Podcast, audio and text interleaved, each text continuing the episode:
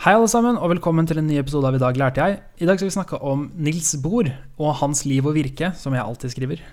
Eh, eh, Andreas Lykke, jeg er interessert i denne podkasten her, men jeg vil eh, at vi skal snakke om et tema, eh, f.eks. Eh, saltvann. -hmm. Hvordan kan jeg si ifra om det? Nei, du kan kontakte oss på Facebook eller Instagram, IDLJ Podcast, eller sende oss en eh, e-post på post at idlj.no, eller via nettsiden vår, idlj.no. Mm. Og vi oppdaterer alltid Facebooken vår når det kommer nye ting. Så mm. lik oss og følg oss, så får du med deg når det kommer en ny episode. Eh, hør på oss og spre det gode ord. Ja, ikke sant? Hvis dere liker det dere hører, så si fra til noen. Si fra til kompiser, og kjærester og familie. Og vi har jo lyst til å fortsette med det her, så kult hvis mye folk hører på oss. Og hvis dere ikke liker det dere hører, send oss en e-post på høre og si hva vi kan gjøre annerledes, fordi vi skal bli best. hvis, Ja, og hvis dere ikke liker oss, så er det masse andre bra podcaster å høre på. Ja, nei, nei. Ingen andre bra podkaster der ute. Jeg tror vi bare kjører på. Ja. Er du klar for Nils Bohr? Alltid. Da kjører vi Nils Bohr.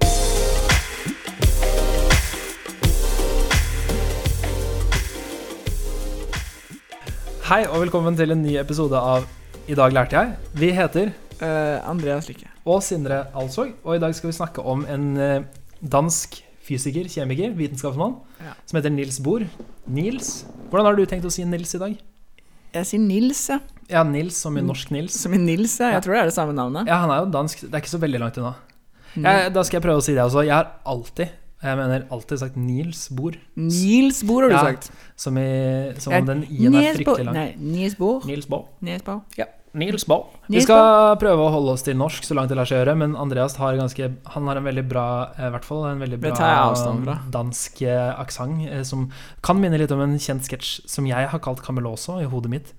Eh, men det, det kommer vi kanskje tilbake til. Nils Bohr var en dansk fysiker. Han levde på tidlig 1900-tallet. Eller han var veldig aktiv på tidlig 1900-tallet. Han definerte 1900-tallet.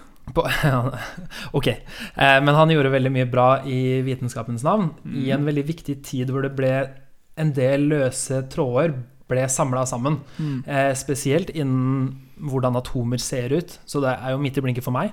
Eh, han har også opphavet til en drøss med veldig kompliserte fagretninger som har gitt meg masse dårlige karakterer. Eh, og jeg har sånn elsk-hat-forhold til han. Har du noe Har du liksom lidd under Niels Bohr? Men jeg, lider- nei, jeg har klart å holde meg unna de fleste faga egentlig han har jobba med. Eh, jeg er jo veldig fascinert av liksom, sånn kvantemekanikk og sånn, selv om jeg skjønner jo sikkert like mye som folk flest. Altså ingenting minus én, liksom. Ja, og eh, nå skal det sies, da. Det er litt morsomt, men akkurat på kvantebiten så var han Bohr sjøl såpass usikker at han lot være å, å si at det trodde han på. Han bare sa nei, det er en del der som ikke stemmer Som jeg bare ikke tror på. Eh, da var, eh, da var eh, oppvaskmaskinen ferdig også, men det passer bra. Ok. Eh, Nå er vi er et tøysete humør her. ja, veldig. Men vi er langt inne i, i Nils liv. Skal vi starte med starten, Lykke? Ja. eh, Nils Bohr. Født eh, 7. oktober 1885 i Ja. København. Han ble født i hus nummer 14 ved stranden. Jeg tror ved stranden er adressen. Eh, siden det står også ved stranden på min, i min engelske Nils Bohr-biografi. Ja. Skrevet av hans sønn eh, Nils Åge Bohr. Jeg, bare, jeg tenker, Hvis vi skal holde det så detaljert, så kommer denne episoden til å ta lang tid. Men jeg, jeg, jeg bare stoler på deg. Vi kjører på. Nå, jeg prøver å bygge et bilde her. Av, av, jeg prøver å tegne et, et bilde av eh, livet hans. Eh, men eh, det som er Det er ganske interessant å snakke bitte litt om hvor han kommer fra. For det er veldig definerende for han. For det første så er han jo da sønn av professor Christian Bohr. Som allerede ved hans fødsel var ganske kjent som, som fysiolog. utdannet lege. generelt liksom forsker på da, ja, fysiologi, på menneskekroppen, på, mm, på litt sånn eh, bio, funksjonabel biologi, da, om du vil. Eh, og faren hans igjen eh, var eh, også en rektor, eh, senere professor. Eh, her står det bare HGC Bohr. Jeg vet ikke helt eh. Hans Gerhard Christian Du har det! Bra jobba. Nei, nei, nei, nei jeg, jeg bare fant på tippe. Ja, han var sikkert Christian Bohr, han også, men ehm, hvert fall um, Faren hans var jo også veldig, veldig bra fyr. Uh, smart fyr. Han tok doktorgraden sin i en alder av 25. Utdanna lege um, i en alder av uh, 23. Uh, så han Han var veldig, veldig flink, han også. Og um, han hadde også en mor Um, som var, het Ellenbor. Um, Ellenbor er mor? Det er noe gøy. Altså, det må finnes et dansk Nå må vi ta oss ned. Nå må vi, vi må ned et takk, føler jeg nå. Nils Bohr, mor Ellen. Bor. Ja, det er en bra huskeregel hvis du prøver å pugge Nils Bors liv. Som jeg, vet veldig mange av dere egentlig driver med. Uh, Ellen Bohr var uh, beskrevet som en uh, intelligent og liberal kvinne. Veldig opptatt av vitenskap. Um, og han hadde også um, eldre søster som het Jenny, og en eldre bror som het Harald Bohr. Han skal vi snakke litt mer om. Han er ganske, ganske imponerende, bare han. Uh, og um, hjemmet var veldig kulturelt, in, uh, intellektuelt, og de diskuterte vitenskap og verden og politikk og um, og det som var da veldig sånn stimulerende hjem, da, perfekt for eh, veldig talentfulle unge menn som er født Og, og ikke så bra for, for, en talentfull ung kvinne i 18, nei, 19, 1885, ja. Mm. Så, men i hvert fall for de, de Harald og Nils Bohr eh, og for så vidt da, søstera hans, da, så var det et veldig stimulerende hjem. da. Var masse... Ja, altså de, de lå veldig godt an til å gjøre store ting innen vitenskapen. De var fostra opp i et hjem hvor vitenskapen sto sentralt. Og kommer egentlig altså Ikke bare kommer de fra en lang rekke med vitenskapsmenn, men de etterlater seg jo en, rekke vitenskapsmenn også. Det gjør de også. Um, altså han, du kan jo si Det som er interessant, er at uh, broren hans, Harald, jo, var jo på mange måter bedre enn Nils i mye av det Nils brydde seg om. Altså, han var jo uh, Han var um, han var jo født Han var jo faktisk uh, lillebroren hans, da. Han var, uh, Jeg tror kanskje jeg sa han var storebroren hans, men han, Harald var lillebroren hans. Han er født 18 måneder senere enn han. Men på mm. tross av dette så ble han doktor to år før Nils. Ah. Uh, så faktisk da i, Men i matematikk, da, ikke i fysikk. Og han var også han var også bedre enn Nils i fotball, som var veldig viktig for både dem og faren. Faren var en av de tidligste som liksom virkelig begynte å han drev og så på fotball på 1880-tallet, hvor fotballen bare så vidt Det var vel så vidt et ligasystem i, i Danmark.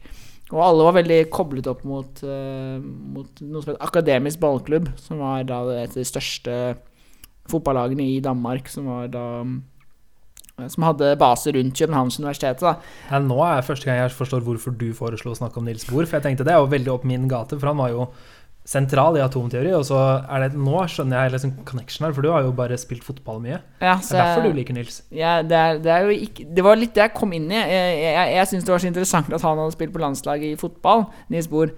Men det hadde han jo ikke, viste seg. Eh, det er en ganske morsom historie rundt det. Jeg skal bare ta det med en gang. Ja, ja. Bedre, Fordi at, bedre, bedre siden. Det var jo faktisk en som røyk ut av en ganske kjent sak i Jeg tror det var tysk Wilbur hvor en fyr røyk ut. Eh, en, en, ganske dyktig mann som røyk ut for han ikke klarte å svare på hvilken fysiker som hadde spilt på det danske landslaget i fotball. Og da var åpenbart svaret Nils Bohr. Uh, men han har ikke spilt på danske landslaget i fotball. Uh, selv, om, uh, selv, om, det er en myte som går igjen overalt. Mens broren hans, Harald, igjen spiller på landslaget i fotball. Ah, Harald Bohr, ass. Harald Bohr. Nils Bohr var god i fotball. Han var keeper. Og drev og spilte rekrutt, og jeg tror han hadde noen A-kamper for Akademisk ballklubb og sånn, men han var ikke så god at han kunne liksom representere eh, landet sitt, som allerede var veldig gode da, hadde vunnet noen noe gullmedaljer i noen tidligere konkurranser og sånn. Bare én siste fotballfakta som jeg bare syntes var så morsomt når jeg leste opp det her, var at det danske laget som han hadde spilt for, hadde jo de hadde spilt en 9-0-kamp mot, mot, Hellas, som ble avsluttet i pause når Danmark led 9-0, og Hellas ikke nekta å møte opp på andre omgang for at de gadd ikke tape mer. som er ganske bra. Um, ah, den er og, fin. Vi eh, orker, orker, ikke mer. ja, nei, så, så Harald Bohr spilte faktisk OL uh, eh, for Danmark i 1908, og, og kom på andreplass i OL. Tapte mot uh, Storbritannia. Jeg må si da, det er det er ganske fascinerende hvordan folk som har vært så sentrale i vitenskapen, eh, i, i, tillegg har gjort sånne ting som det her ved siden av studiene. De har sikkert hatt familier også. Jeg, kan, altså, nei, jeg, jeg er imponert. Jeg også misunner det jo litt å leve på en tid hvor dette her på en måte bare var mulig, fordi på mange måter så er dette ganske umulig i dag. Altså nivået var altså Det må, må, er lov å si at det er lettere å både bli doktor og landslagsspiller i uh, 1908 Det må være lov å si det. Ja, det, må, det må være lov å si det, men vi skal ikke undervurdere Altså, nå skal ikke vi snakke om Harald. Nei. Vi skal snakke om Nils. Eh, og hva Nils har bidratt med innen forskning, er, det er fornemme ting. Altså. Det er helt enormt, noe av det. Men uh, vi kan snakke litt altså, vi, altså han Det er jo på en måte ikke fotballen han er mest kjent for, åpenbart. Han var også vellykka på skolen, men han var, ble beskrevet som en ganske ordinær student. da Og alle var liksom sånn Ja, det er Harald, det er Harald som er liksom geniet her. Bortsett fra faktisk Christian Bohr, altså hans far. Han var veldig tidlig på at nei, nei det er uh, Nils som er geniet. Begge er åpenbart uh, dyktige menn, og, eller unge menn. Uh, men det er Nils som er geniet, og litt av det var at han hadde et det var to ting. Han hadde et spesielt sinn som for det første gjorde at han ble veldig flink til å danne relasjoner. Uh, han fikk mange venner tidlig i livet som han hadde nesten hele livet. Mm. Um, som ikke nødvendigvis er det man vil tenke på når man tenker på liksom uh, Ja, altså en kvantefysiker og som vitenskapsfolk. At han var veldig sosial. Han var veldig flink til å liksom danne personlige relasjoner. Men han var også ja, han var også Han tenkte på en annen måte. Han var liksom filosofisk av seg. Han så ting fra alle vinkler, og han var veldig sånn inspirerende. Da. Og han fikk ofte det beste ut av andre, som er veldig viktig å, forstå, viktig å se her. At han var en person som, hvis du var rundt han, så ikke bare sa han mye interessante ting, men de som var rundt han også opplevde at de ble på en måte nesten smartere. De, de, de, de, fikk gode ideer, og han, han inspirerte rett og slett en kultur av, av veldig sånn intellektuelt mangfold rundt seg. Da. Ja, Det henger veldig på greip med ting som blir sentralt mm. for han senere i livet, spesielt når han ja, kommer tilbake til Danmark etter å ha vært på ja, langt studieopphold i England. Mm. Eh, men når han kommer tilbake til Danmark og får opprettet et eget institutt for kjernefysisk forskning mm. i hans navn, som eksisterer den dag i dag. Og det, der kom det forskere fra hele verden kom dit. Ja. Det var verdensledende innen fysikk. Mm. Og det, det, henger på en måte på greip, da, at han var ikke bare en, en dyktig forsker sjøl, men han også var en god leder, en, en, som fikk mye godt ut av de rundt seg. Ja, ikke sant. Han var Altså, det som var greia med en gang han kom ut av liksom, grunnskolen da, og kom inn på universitetet, så ble han liksom oppdaget, da. Da var det sånn, ok det er et eller annet med det å være et universitet, spesielt rundt århundreskiftet. Liksom, det, da det skjer veldig mye ting. Og når du får en person som er intelligent og liksom tverrfaglig interessert altså Han er interessert i matematikk, fysikk, kjemi, han kommer fra en familie, han er veldig sosial Når du får en sånn person inn der, så det er en veldig riktig, riktig person på riktig tidspunkt. Mm. Og allerede som 20-åring så fikk han um, det danske akademiets, uh, altså vitenskapelige akademiets gullmedalje, da. Som er en veldig, var en prestisjefull pris. Um, så ja, han fortsatte å, å, studere, og i 1911 så fikk han doktorgraden sin. da Som sagt to år etter Harald, som hadde fått den i matematikk. Uh, mens, uh, mens, Nils hadde fikk det for å studere elektronteori i metaller. Uh, og det var da han oppdaget at um, klassisk mekanikk var ikke nok for å beskrive hvordan elektroner oppførte seg. jeg vet ikke om du kan ut, gjøre dette litt mer forståelig for folk? Jeg, jeg har tenkt å ta Fordi det um, Altså Klassisk mekanikk, hva, vil, hva, legger du i det, egentlig? Klassisk mekanikk jeg, jeg, vil legge der en ganske grunnleggende god forståelse for hvor Altså Mekanikk i dag i fysikken er jo det du har eh, Altså det er fysisk fysikk. Da. Det er hvorfor faller ting ned mot bakken. Eh, og hvordan, ja, og hvordan, regner du på det? Eh, dette er ting som inngår i, i, klassisk mekanikk, sånn som jeg forstår det. Eh, for det som Nils Bohr jobber med mye her, er jo det som vi i dag kaller for atomteori. Um, som kjemiker, da, som, så tenker i hvert fall Jeg gjør det litt sjøl også, at som kjemiker så jobber man med atomer. Men som kjemistudent så er det du jobber med, er elektroner.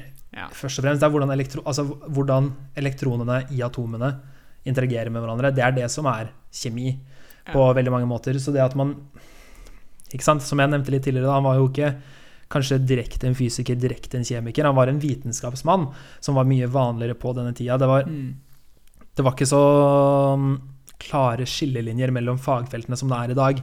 Eh, og det er jo nettopp også fordi man ikke har eh, liksom knekt en del koder, da. På det eh, tidspunktet så var fysikk nesten sett på som filosofi. Jeg vet i hvert fall at det grunnleggende, mest uh, leste fysikkmagasinet fra den tiden var jo Philosophical Magazine.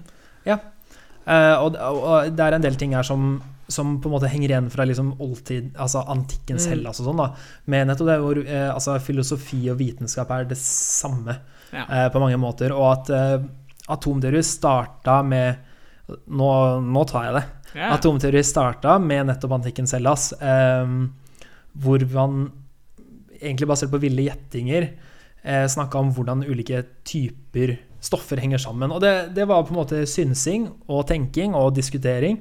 For atom betyr vel noe sånn minste del eller noe sånt? Ja, det atom betyr udelelig. Ja. Eh, og det man tenkte, var jo at hvis jeg tar eh, Rett for meg så er et glass.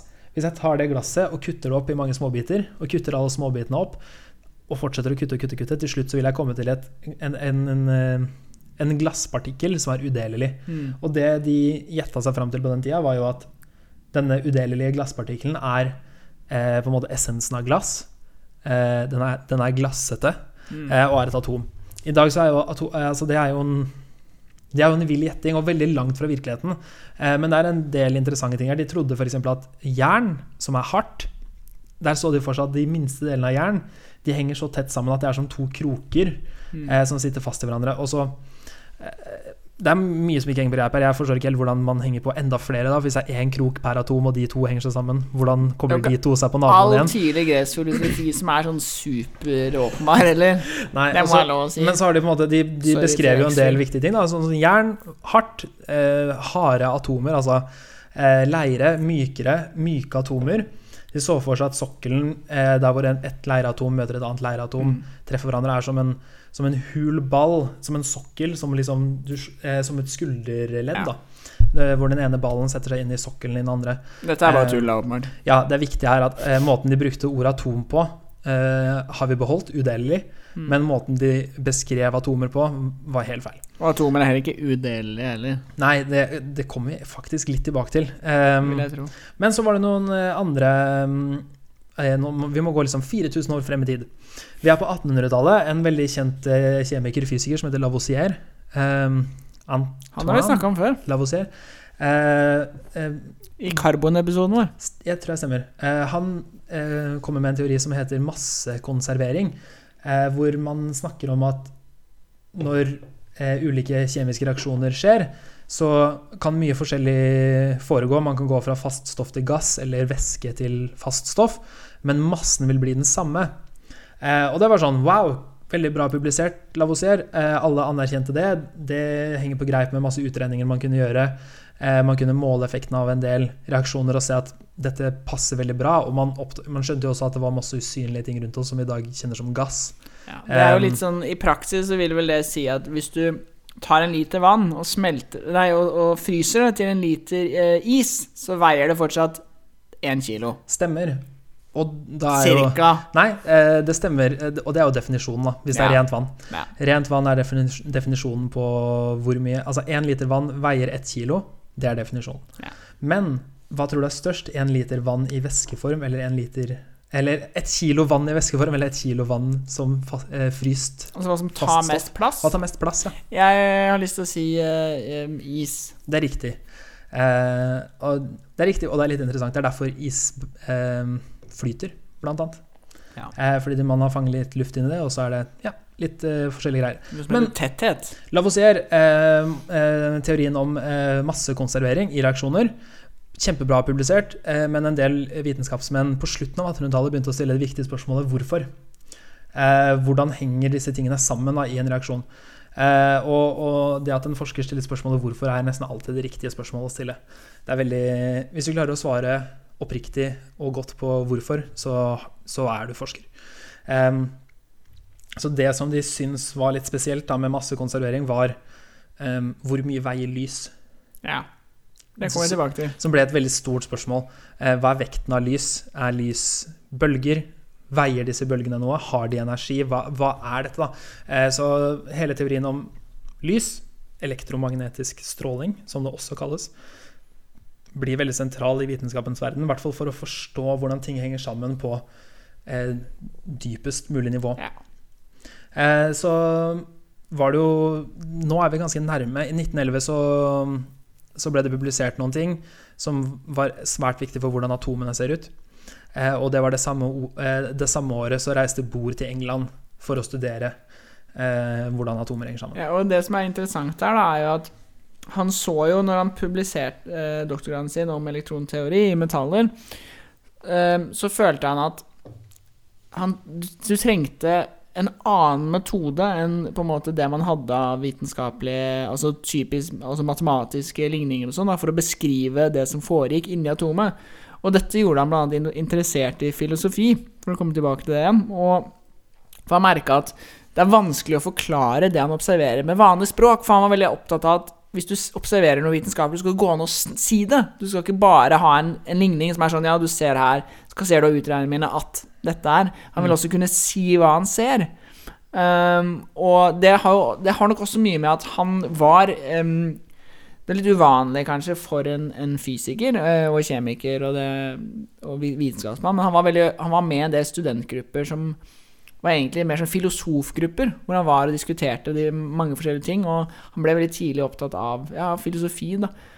Um, så det, det, var liksom mye av, mye av motivasjonen hans for å liksom For å prøve å legge ord på alle disse, disse kompliserte tingene. Og han, han var jo også veldig det er noe vi kommer til å snakke mye om, er jo på en måte kommunikasjonen hans med andre mennesker. Og han var veldig opptatt av det å skrive brev, så han har etterlatt seg en helt enorm mengde mm, skriverier. Det kan jo forklare ganske mye om hvorfor vi vet så enormt mye om han. Vi vet veldig mye om han, også fordi han var så sosial, at det er veldig mange mennesker rundt han som også beskrev han. Men det som er interessant med brevene hans, er at hvis man leser dem, jeg har sett på et par av dem, så er det de ser liksom spontane ut og er liksom morsomme og er liksom sånn kjappe. og er godt skrevet, liksom. Men det var veldig revidert, og det var nøye lest gjennom. Man ofte liksom viste dem til familiemedlemmer eller andre vitenskapsfolk og liksom spurte hva syns du om dette, og så endra han et et ord her. Og det var også sånn han jobbet veldig med Det var litt han var, en, han var veldig flink til å bruke det at han var så sosial i vitenskapen, fordi at han, siden han hadde så mye venner, både, både folk som var vitenskapsfolk, og andre folk, så klar, kunne han spørre liksom Hva syns du om dette? Hva syns du om dette? Og så endte det opp med at alt han skrev, var veldig presist. Veldig godt skrevet, veldig eh, engasjerende. For at hvis f.eks. kona hans eh, eller barna hans sa sånn Dette her skjønner jeg ikke, liksom. Så kanskje det var for komplisert. Og hvis en vitenskapsperson sa dette her er ikke, det er litt sånn utydelig, så måtte han være mer presis. Mm. Og denne måten jobba han på. Det er ganske interessant å se både fra han skrev, hvis han skrev et innlegg i avisen, om han skrev en vitenskapelig artikkel, eller om man bare skrev et brev til en kompis, så var dette måten han jobbet på. Og det er derfor vi har Derfor er alt han har skrevet, veldig sånn tydelig, da. Ja, og jeg må bare si da det, Altså, måten, måten du beskriver formidlingen på, mm. er jo egentlig det flere folk burde jobbe for i dag. Ja. Det at du beskriver noe så presist at dine kolleger ikke syns du er dum, mm. eh, men så lettfattelig at hele familien din forstår det. Mm. Det er jo egentlig Altså, det er jo drømmen innen, innen vitenskapsformidling. Er det ikke det vi prøver på her? Det er det du og jeg jobber med, eller ikke? I hvert fall den eh, siste. Ja. Nei, men eh, eh skal jeg fortsette bare litt lenger inn i, inn i teorien og de folka som ledet til Bohrs atommodell, eller vi kan venter jo, vi litt? Vi, kan ta det straks, at, dette, bare for å sette scenen, på en måte. I 1910, rett før han fikk doktorgraden, så møter han kona si. Hun heter Margrethe Nølund på norsk. Uh, de fikk uh, seks barn. Å oh, nei. Uh, de fikk seks barn, hvorav fire overlevde barndommen. de reiste til Jeg regner med han tok med kona. han reiste i hvert fall til Storbritannia for første gang i 1911. Og det er vel her vi er nå. Her besøker han forskere som Thompson JJ Thompson, han som oppdaget elektronene. Mm. Han var også en pioner i atomfysikk. Og han besøker Ernest Rutherford. Han studerer direkte for Rutherford. Ja, rett som er ganske viktig. Ja, og Ernest Rutherford var jo en av disse som virkelig bidro til den tidlige atomteorien. Og det ble beskrevet i ettertid som eh, For det som er interessant, er at uh, Rutherford var en ekstremt god eh, eksperimentell eh, vitenskapsmann. Han var veldig opptatt av praktiske eksperimenter. Og Bohr var veldig opptatt av det å tenke gjennom. Veldig teoretisk sterk. Veldig opptatt av liksom det, ja, forkla den forklaringsdelen. Da. Så de fikk et eh, vennskap som varte hele um, hele Rutherfords liv, og det ble skrevet som et slags far-sønn-forhold. da eh, Der bor åpenbart er, er sønnen. da Ja, Skal jeg bare ta det kjapt nå, eller? Fordi eh, deres forhold er jo helt sentralt. Ja, eh, de, de, er begge vitenskapsmenn som har fått nobelprisen i eh, Rutherford i kjemi og Nils Niels Bohr i fysikk. Skal du nå snakke om trilogien? Nei, hvem er den tredje? Å nei, trilogien er, er en serie, serie artikler han skrev, som liksom dyttet ryktet hans opp, så det er kanskje dette. Det er bare én triologi for meg, og den er skrevet av tolken. Uh, men det Ikke av uh, Nei, jeg skal ikke snakke om eh, Star Wars nå, det blir for mye. Eh, vi, kan, vi tar det en annen episode. En episode som bare er 'Heng med Lykke og Sindre'. Eh, men, eh, men ja, Nils eh, Rutherford først. Rutherford eh, Rutherford har du eh, lært om på barneskolen. Eh, og på ungdomsskolen og på videregående. Han var eh, Han er den eksperimentelle kjernefysikkens far eh, på mange måter. Og altså, ikke heng deg opp i at det Og eksperimentell når vi sier kjernefysikk, ja. så mener vi Ja, jeg skulle akkurat til å si ikke heng deg opp i at det heter eksperimentell kjernefysikk, fordi det høres ekstremt komplisert ut. Men eh, han jobber da altså med å forstå hvordan eh, partikler er. Og kjernen av partikler, kjernen av atomer. Og da er det viktig at vi går over til eh, vår moderne forståelse av atomer, ikke den antikkens Hellas forståelse, men atomer vi kjenner som f.eks. hydrogen, da, som også er et en av de få atomene man virkelig kan forske på. Fordi hydrogen er såpass enkelt eh, som at det består av Det består veldig, eh, Hydrogen er simpelt. Det er det enkleste atomet, det er det letteste atomet i vekt. Eh, og det er det man vet desidert mest om. Det er også et av veldig få atomer hvor veldig mange matematiske modeller passer uten at man må gjøre eh, Ja. At man må ofre noe. At man må legge igjen ting for å, for, å, for å ta hensyn til kompleksitet. La oss ta det. Rutherford hadde et ekstremt kjent og viktig eh, eksperiment der han bombarderte en tynn gullfolie med alfapartikler. Han visste ikke selv hva alfapartikler var. Det vet vi nå at det er heliumkjerner. Eh, helium, det nest letteste atomet. Eh, det er ikke så viktig. Han hadde en radioaktiv kilde eh, som han visste at det kom energi ut av. Han kunne ikke se det, men han kunne måle det. Eh, så han hadde da en, en, et tynt lag med gullfolie som han skjøt radioaktivitet gjennom. Og hans teori om hvordan, en, hvordan et atom så ut, var som en bolledeig med rosiner. En positivt ladd deig med negativt ladde rosiner. Positivt ladd kjerne med negative elektroner.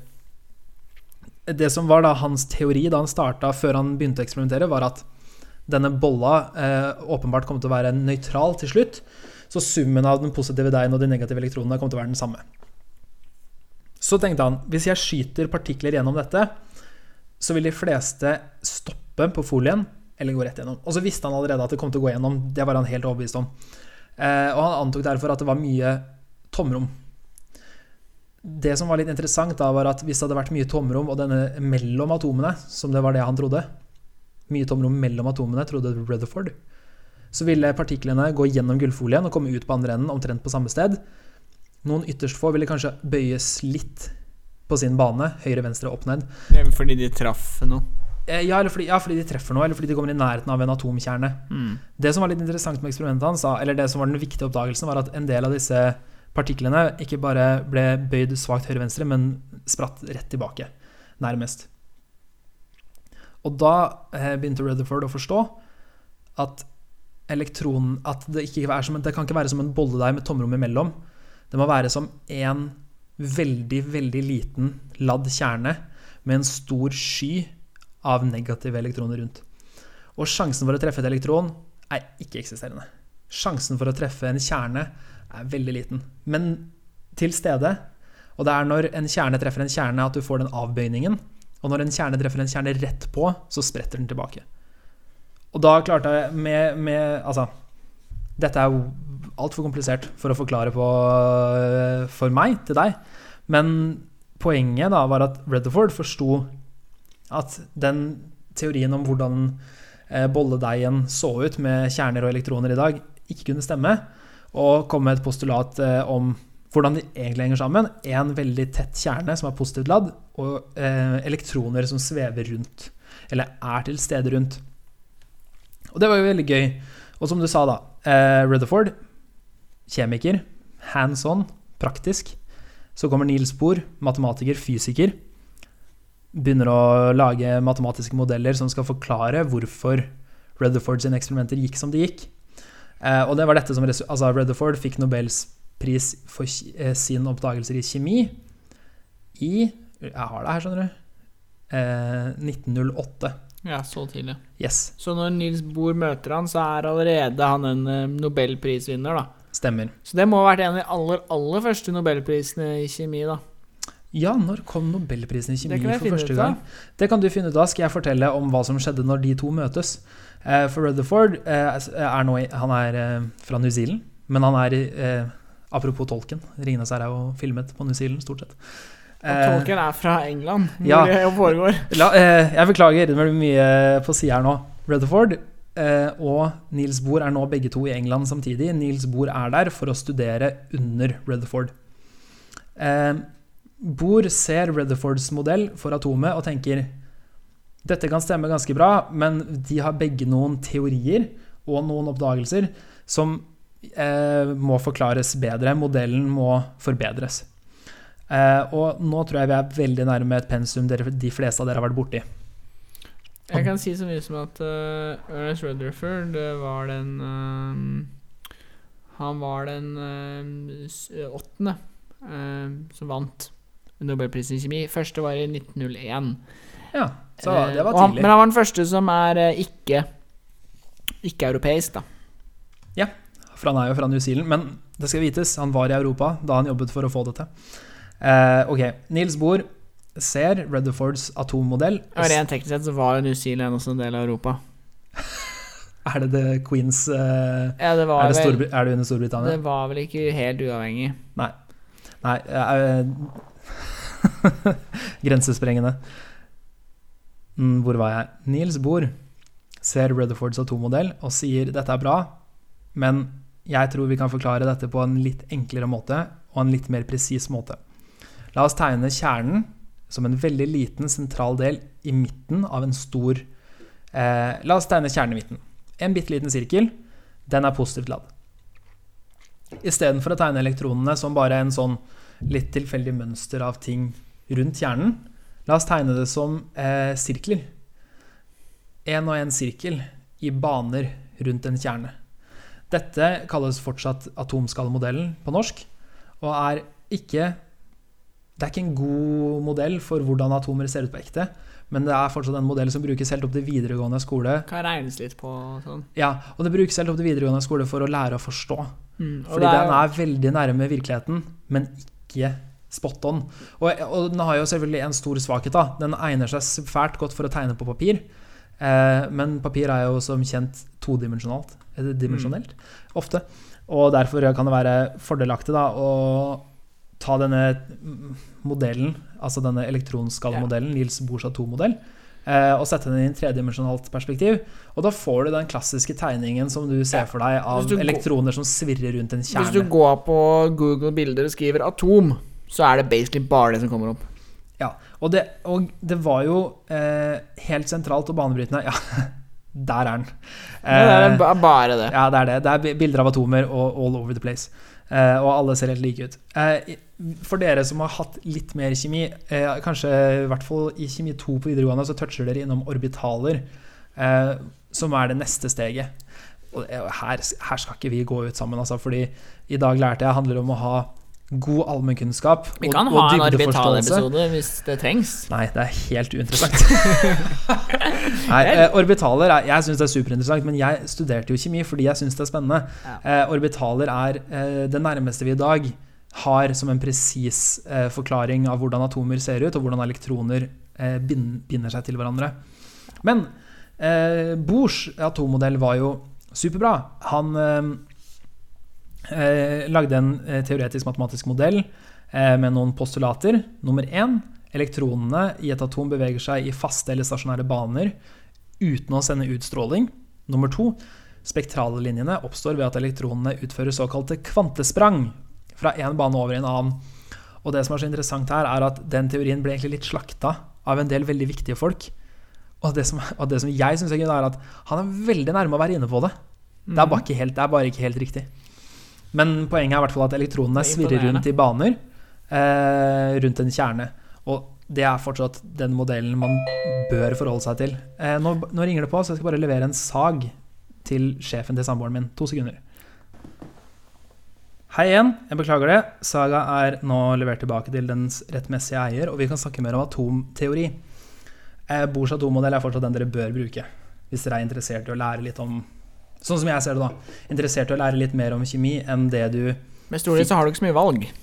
Du har ikke så mye valg. Eh, men å snakke om eh, orbitalteori, da er du over i det som heter kvantemekanikk, og det som virkelig nærmer seg å være en ren matematisk tilnærming til hvordan elektroner og atomer binder seg til hverandre.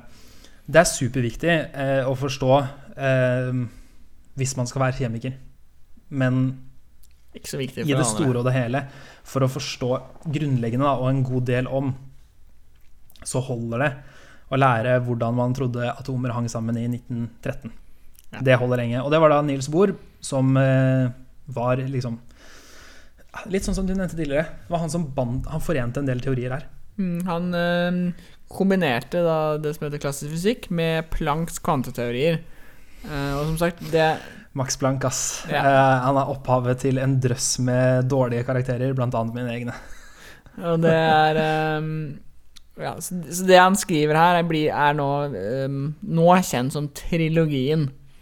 Han skrev tre artikler da, eh, til eh, Philosophical Magazine, som eh, Og dette gjorde liksom at ryktet hans gikk i været, da.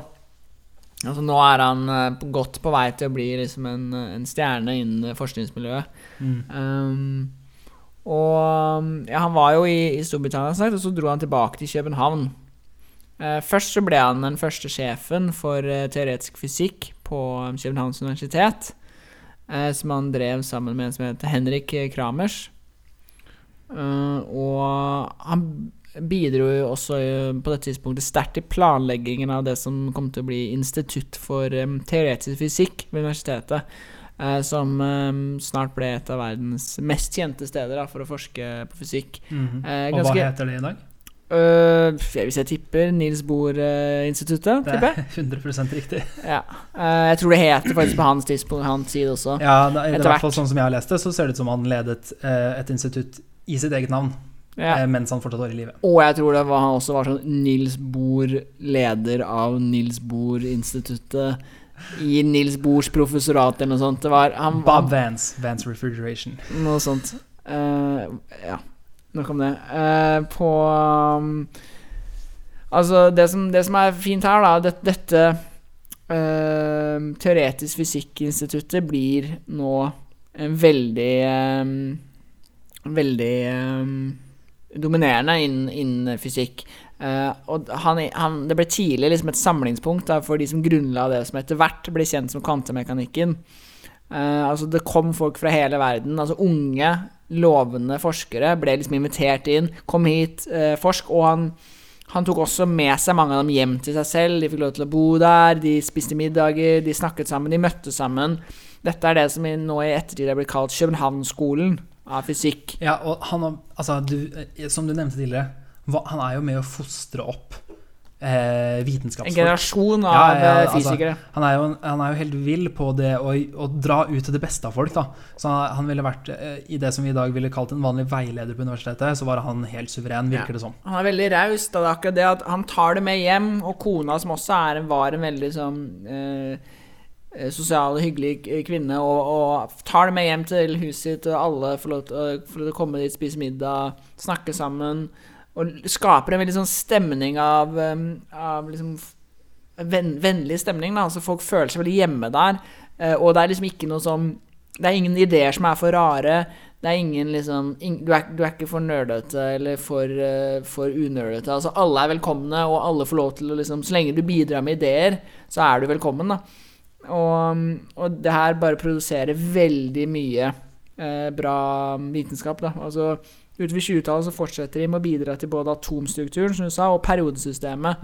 De forsker masse på, på grunnleggende kjemi, grunnleggende fysikk. Og i 1922 så får han Nobelprisen i fysikk. Eh, Dette får han for forskning av tilknyttet atomstruktur og mm, sånn stråling da, som atomer gir fra seg. Ja, og det er jo en av de tingene som man ikke Eller ja, det er en av de tingene som var veldig viktig på det tidspunktet, var jo hvorfor oppstår lys i ulike farger. Og det man forsto ganske Dette er jo stråling, da. Lyset er stråling. Um, og han forsto en del av det, og prøvde så godt han kunne med de tingene de visste, å forklare det. Og det, det har alltid vært viktig i vitenskapen. Å forklare så godt man kan alt alle vet på et Mm. tidspunkt. Uh, men, men det viste seg jo selvfølgelig review-artikler. Hmm? Så review-artikler. Ja, Og så, men det viste seg jo også da at eh, mye av det han sa, og mye av det han postulerte om spesielt dette med lys og bølger, eh, var på lang vei riktig, men eh, ja, ikke helt. For han hadde én kontroversiell artikkel Uh, som egentlig var at han liksom var litt liksom skeptisk til hele konseptet med fotoner. Han likte ikke det konseptet, og uh, først kan jeg jo forklare hva fotoner, som vi forstår i dag, er. Mhm. Uh, fotoner uh, Du kan stoppe meg hvis dette blir feil. Nei, men nei, på. det var noe som Einstein var en av de første som begynte å teoretisere om hele konseptet fotoner. Og det har med lys å gjøre. Da. Altså, fotoner er en såkalt elementærpartikkel. Og det er det lys og elektromagnetisk stråling består av. Altså sånn, akkurat som at fysiske ting, f.eks. et glass, kroppen din, hva som helst, er bygget opp av atomer, så er lys bygget opp av fotoner. Mm. Eh, og de har Dette er litt komplisert, så du får bare henge med. Eh, de har det som kalles en partikkel-bølgedualitet. Det vil si at de er på en måte både bølger og partikler, litt avhengig av hvordan du måler dem, og hvilken situasjon de finner seg selv i. Og de har ingen masse, altså de har ikke noe vekt, og de har ingen elektrisk ladning, men de har en bevegelsesenergi, da. Yes. Og, denne, og det er jo på en måte den klassiske Einstein E lik MC i andre, er jo da eh, blant annet det, det, det er litt der det kommer fra, relativitetsteorien. Ja, og det er, eh, det er E lik MCA-en eh, handler om eh, elementærpartiklers energi. Mm. Og det sier noe om at massen, eh, massen er der, om den er aldri så liten, på en måte. Mm. Og så er det jo det som er litt gøy, da. Eh, Fotoner og elektroner, de er begge elementærpartikler. Med én fot i hver leir. Delvis er de bare bølger, delvis er de partikler. Mm. Og dette har jo vært eh, helt sentralt, og er egentlig fortsatt veldig sentralt. Eh, videre så kommer man til sånn eh, Einstein jobber jo med en eh, sånn en, en unified, eh, felles feltteori, eh, som, hvor du på en måte tar alle naturens lover og setter det ned til de enkleste eh, grunnprinsipper. Eh, og det, er- det er jo en drøm man fortsatt har i dag, å, å lage ett sett med regler som beskriver alt. Mm. Eh, det jobbes det med, og det, det er en av de tingene som gjør det vanskelig, er dette med kvanta. Altså. Eh, det som Bohr gjorde som eh, Nå kommer det gøye navn her. Jeg vet ikke om alle har hørt om Werner Heisenberg i, i på en måte kjemiens navn, men jeg tror alle har hørt Heisenberg eh, fra en veldig viktig TV, fra en, viktig TV fra en veldig god TV-serie. Jeg tror du refererer til TV-serien Kampen om tungtvannet. Eh, ja, men også Breaking Bad. Ja, for i, han er en av hovedpersonene i Kampen om tungtvannet. Så hvis Ja. dere har sett dette, så er dette han tyske fysikeren som det, de følger ganske mye i den serien. Ja. Men åpenbart også da eh, navnet på um, um, en av hovedpersonene i Breaking Bad. Ja, fordi det som, det som skjer da, er jo at uh, Bohr ikke helt Bohr sine teorier om elektromagnetisk stråling er ikke helt forenlige med Max Planck og Albert Einsteins forståelse av det. Ehm, men, men de samarbeida veldig mye, og det er jo litt interessant. Bohr, Einstein um, Vi snakker om veldig store og kjente navn i vitenskapens verden. Jeg tror Albert Einstein kanskje må være det navnet flest folk tenker på når de tenker på vitenskap. Ja, jeg tror. tro. Ja, Kan ikke være langt unna, i hvert fall. De hadde jo et, eh, for så vidt et veldig komplekst, interessant forhold, bare Bor og Einstein. Det er jo skrevet bøker om deres forhold. Om deres forhold. Eh, de var uenige om veldig mye. Eh, de, var eh, de var uenige om hva som var virkelig, og hva som var liksom, kvantefysikkens grenser. Og de krangla i 25 år, altså krangla som venner. da De var gode venner, men Ja. de, de, de drev konstant og prøvde å motbevise hverandre, eller overbevise hverandre om at den ene hadde riktig og den andre hadde feil. da Ja, og Men det de var- kan jo egentlig være kjempesunt for å komme til bunns i nå. Eh, så det kan godt hende at de var til god hjelp for hverandre ennå så mye de altså, i hermetegn Ja, de var, de var eh, ut ifra alt eh, gode venner. De Mm. var vel, det virker som begge fikk veldig mye ut av denne mm, Det var ikke en rivalisering, men de var på en måte De var på en måte Hva skal man si? De var liksom eh, på, på mot De var litt uenige om ganske mye grunnleggende ting, men, men igjen, det, jeg tror det bare stimulerte begge to, da. Mm. Det var jo på en måte, det var jo på en måte jakten på sannheten. Ja, rett og slett. Eh, og, og hvis man er uenig om en del grunnleggende prinsipper, så er det jo interessant å finne de konkrete bevisene for at det du mener er rett. Mm. Eh, men ja, eh, Bohr. Vi skal egentlig holde oss kun til bord, Altså, vi må bare ta Det er mange et andre interessante etter folk Bohr her. Eh, fordi Bohr sin modell var veldig bra, men ikke helt riktig. Eh, og en del av de tingene som eh, noen like etterpå fant ut, og, og starten på en stor gren, gren innen ja, fysikkens verden, starter bl.a. med han Heisenberg, Werner Heisenberg, og hans usikkerhetsprinsipp. Mm. Og det man sier da er at Bohr sier at elektronene beveger seg i faste baner. Eh, så hvis du vet hva slags moment de har, altså hvor de beveger seg, så kan du alltid regne på hvor de er. Eh, men det Heisenberg sitt usikkerhetsprinsipp eh, sier, er at man kan ikke vite både eh, posisjon og hvor den beveger seg. Eh, så derfor kan man ikke Og det, eh, dette er da kvante. Kvantefysikk.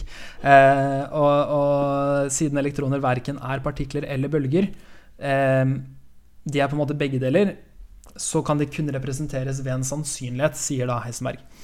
Um, og det er eh, Der det er høy sannsynlighet for at elektroner kan finnes, er det vi kaller for orbitaler i dag. Høy sannsynlighet for at det er et elektron der. Eh, Men det Heisenberg sitt prinsipp sier, da er jo at i, i, i denne overgangsfasen mellom partikkel og bølge, så kan vi ikke helt vite, og, eh, og det er det vi vet. Vi vet at ikke vi kan vite.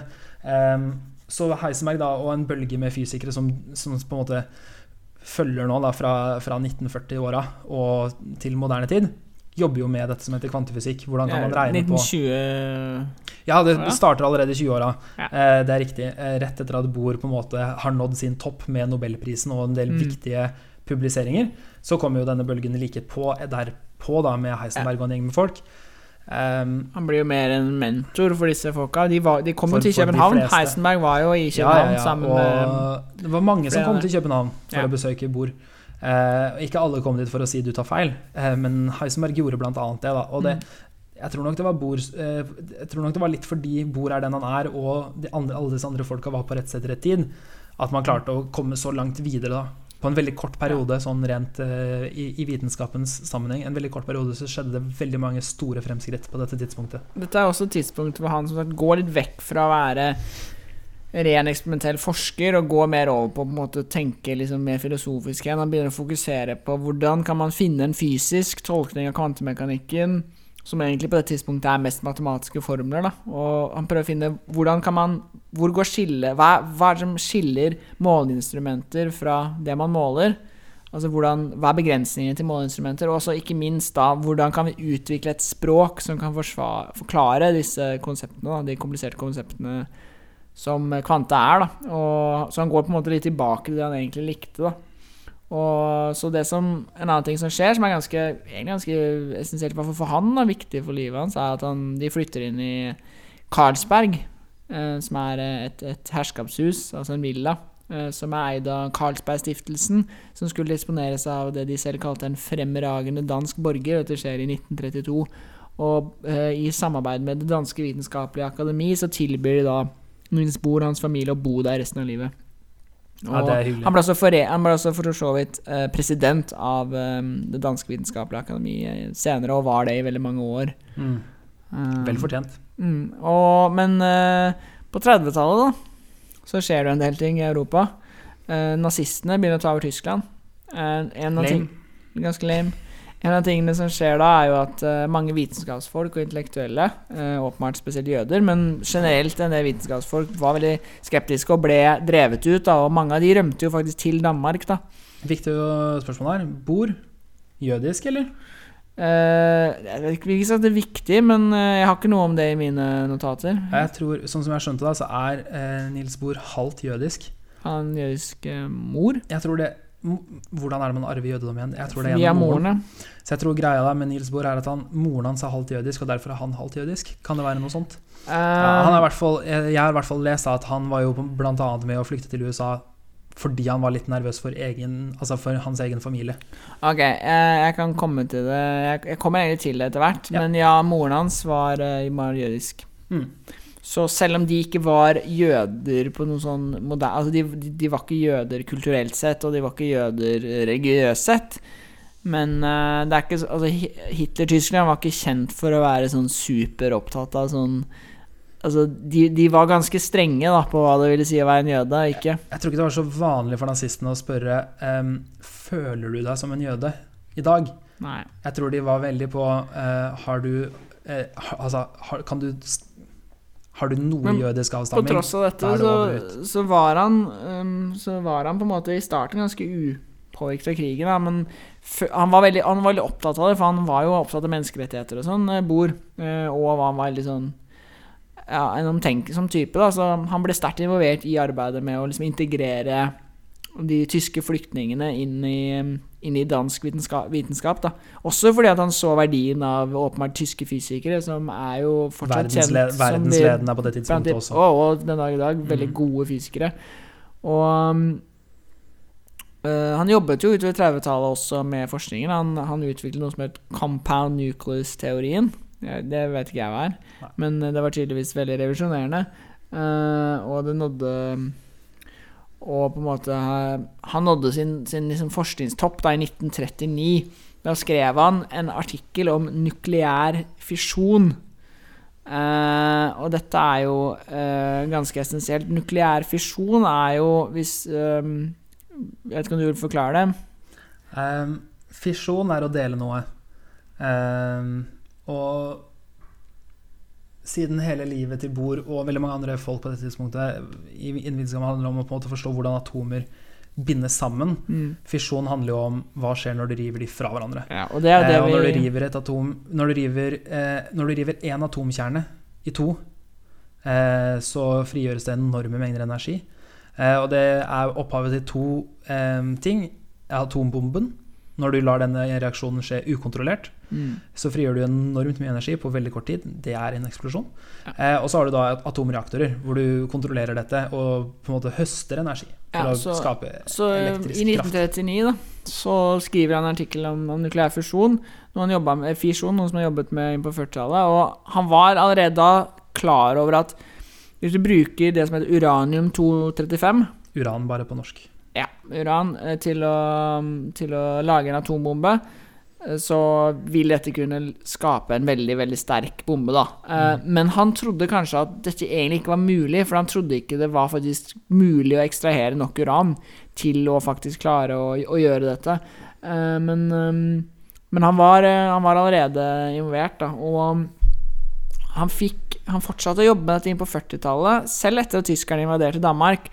Og han jobba faktisk fortsatt på instituttet og fikk lov til å fortsette med arbeidet sitt uten at, egentlig, at tyskerne egentlig blanda seg så veldig.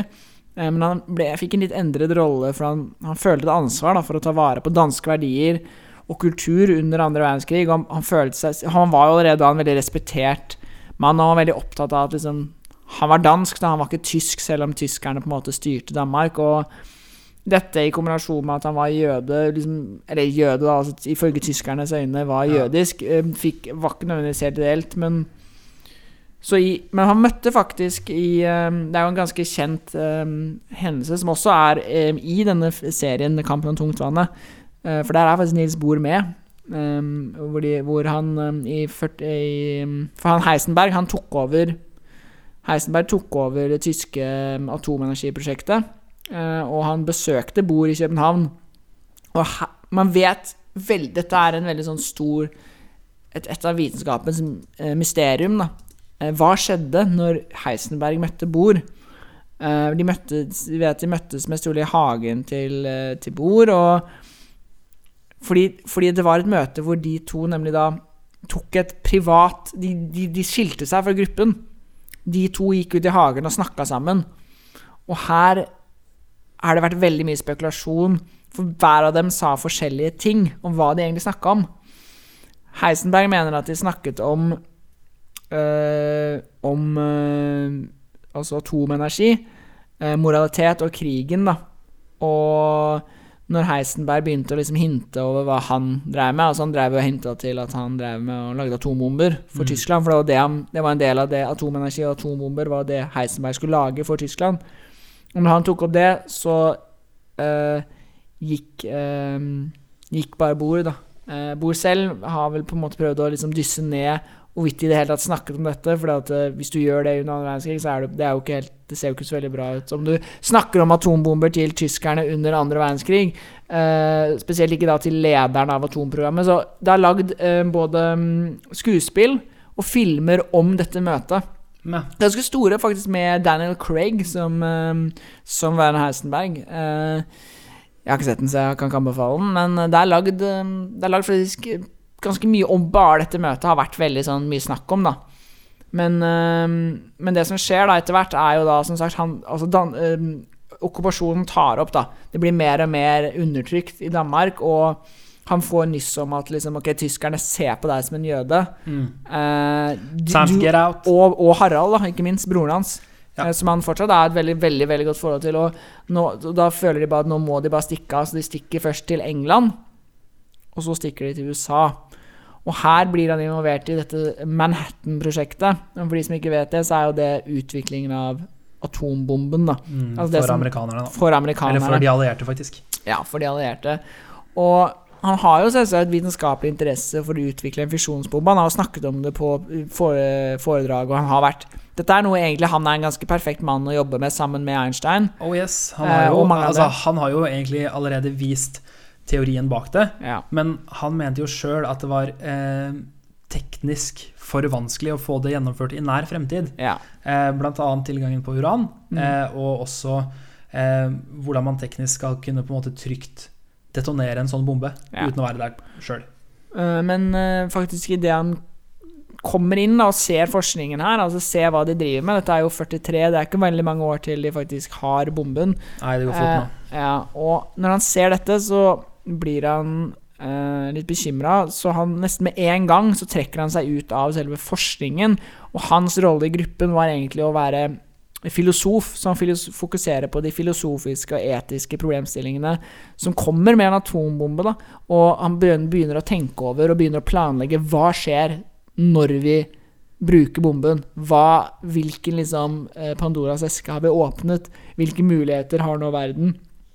Og bare dager etter at amerikanerne slipper atombomben over Hiroshima, så skriver han en lederartikkel i eh, The London Times da, hvor han forklarer disse synspunktene i verden. Og han er veldig opptatt av at vi må ikke liksom Vi må ikke atombombe hverandre til, uh, Til dommedag. til dommedag, Til rett og slett. Mm, og dette er noe som kommer til å fortsette å, eh, fortsette å liksom uh, prege livet hans. da.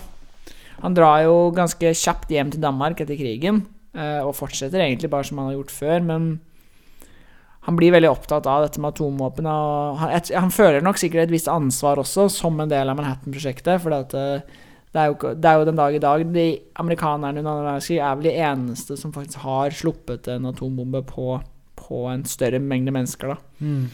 så dette er nok noe han føler på, i hvert fall som Han er jo en person som har vært veldig opptatt av, av fredsarbeid og sånn, og han øh, bruker mye av tiden sin da, på å prøve å utvikle rasjonell politikk rundt det å bruke og produsere atomvåpen og atomkraft generelt. Og han skriver et åpent brev til FN, som er blitt veldig kjent, hvor han øh, på en måte ber alle verdens ledere og land om å samarbeide.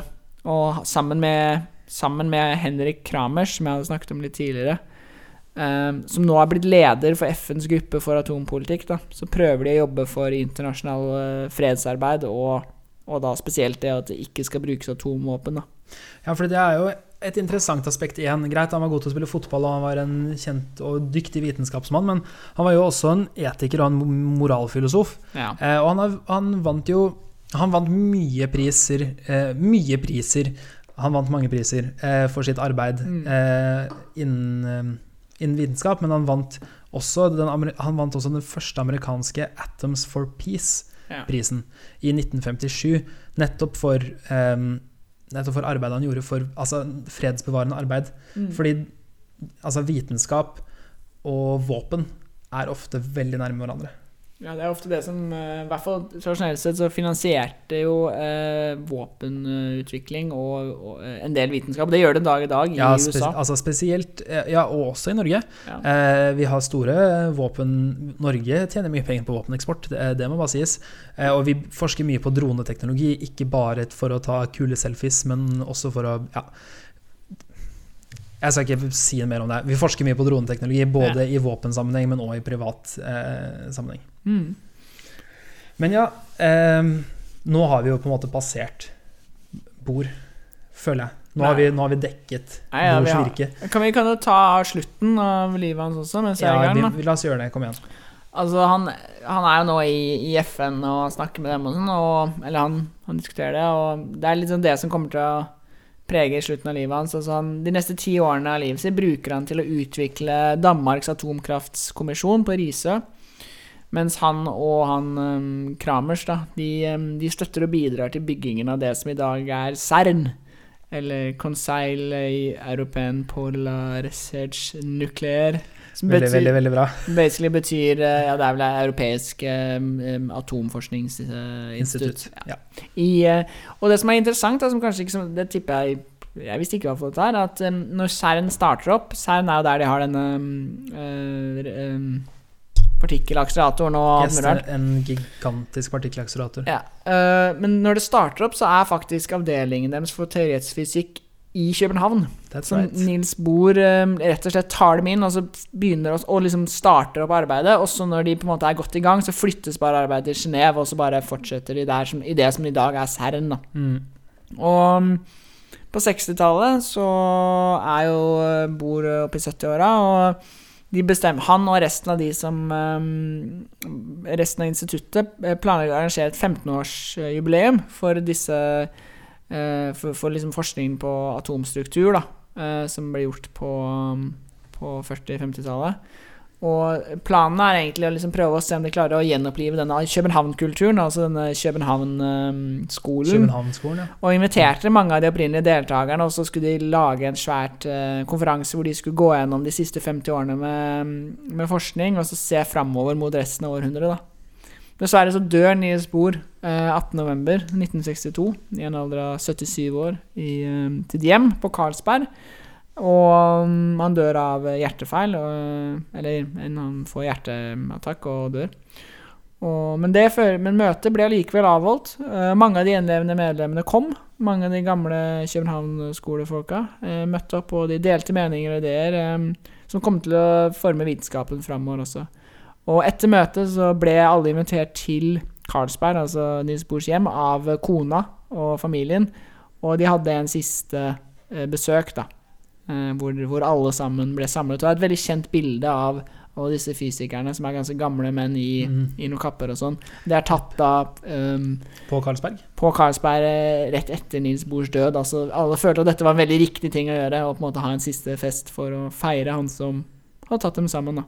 Mm. Så han døde da eh, 77 år gammel i 1962, eh, og da var han helt klart en av Danmarks aller, aller, aller mest respekterte menn. Da. Han var eh, rett og slett en viktig person både politisk og vitenskapelig og sosialt i, i Danmark. Han fikk også um, æresdoktor ved Universitetet i Oslo i 1938. Eh, han ble tildelt den danske elefantordenen i 1947. Eh, og den danske elefantordenen er eh, Det er en av de tingene jeg lærte da jeg gjorde litt research om denne episoden. Det er Danmarks fornemste ridderorden. Opprinnelig et religiøst brorskap. Bla, bla, bla, bla, lagd på 1400-tallet, reviderte regler på 1500-tallet og 1600-tallet. Eh, monarken er stormester, eh, og monarkens sønner er riddere. Bla, bla, bla, bla. Long story short, det er kun dansk adel, Winston Churchill og Niels Bohr som har vært medlemmer. Mer eller mindre. Så det er da Ja, han er i godt selskap. Eh, ja, det er ikke sikkert alle syns sånne ordener er så kule, men han ble, han var, det var i hvert fall en stor ære å få den tildelt fra den danske adel på det Mm. tidspunktet. Ja, dette er, det er bra. Vi har lært enormt mye om bord. Jeg håper ikke jeg har kjeda deg eller folk med atomteori. Jeg er det, glad i atomteori. Det er, eh, det er spennende hvor nærme de var å treffe spikeren på hodet eh, så lenge før vår tid. Og så er det jo også spennende hvor, hvor nærme de egentlig var å treffe spikeren på hodet 4000 år før vår tid. Mm. Eh, men, men dog med Ja, det var ikke spiker, det var nagler, og det var ikke en hammer, det var noe annet. Altså, Mm. de var på en måte De var i leie, men de, de var langt unna. Da. Mm. Her er det jo Det er jo 1800-1900-tallet er veldig stort innen, innen kjemien og fysikkens verden fordi man begynner å få veldig Man begynner å få veldig god kjennskap om instrumentene man bruker for å måle. Og det var det du sa tidligere i dag. Eh, på en måte Hvor går grensa mellom målingen og det du måler? Mm. Så når det blir mer presist, og eksperimentene blir veldig gode, eh, så kan man bruke det til å forklare en del ting i, i Niels Bohrs S da, på en presis måte, men en enkel måte. Mm.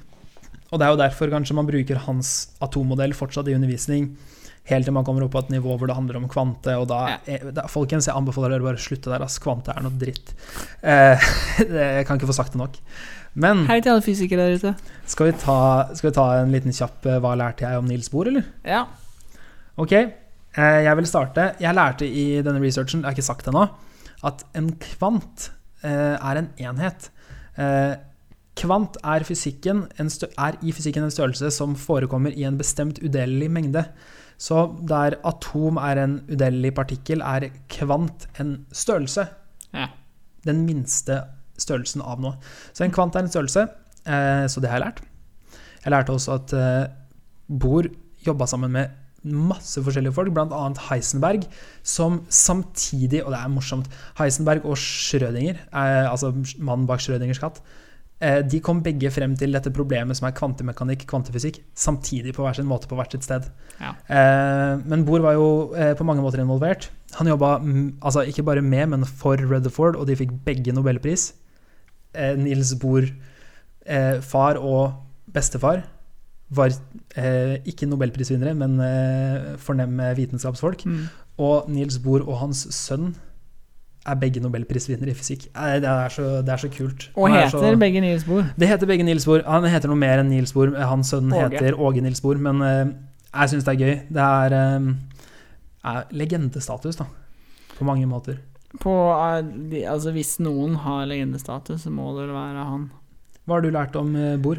Jeg lærte at han ikke spilte på danske landslaget i fotball. Viktig, viktig. Selv om han var en god keeper. Og så lærte jeg at han var en del av Manhattan-prosjektet. Eh, det var jeg faktisk ikke klar over.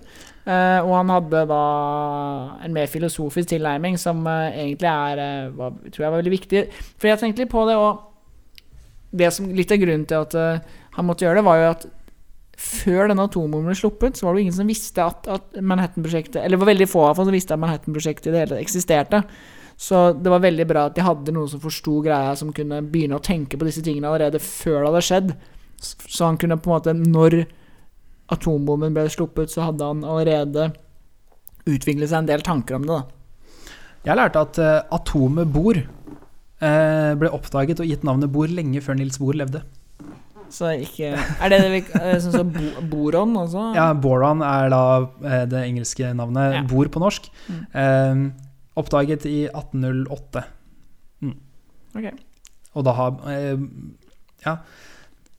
Samme sa, eh, s- uttales likt, skrives BOR, ikke BOHR. Ja. Um, jeg lærte at uh, Nils Bohr hadde en veldig stor familie som han var trofast til. Uh, det er veldig mange kjente folk opp gjennom tidene som på en måte gjorde alt dette med Du ble veldig stor og viktig som person. Uh, du fikk en familie i hjemlandet ditt, og en familie der du studerer, og en familie i det tredje landet. Mm. Nils Bohr var en kjernekar. Jobba med kjerne, kjernen i atomer også. Det var ikke meningen. Jeg beklager. Tror gir oss det. Jeg tror det, det passer bra. Det passer bra. Eh, Da er det bare å si tusen hjertelig takk for oss, og takk for Nils Bohr. Takk for Nils Bohr.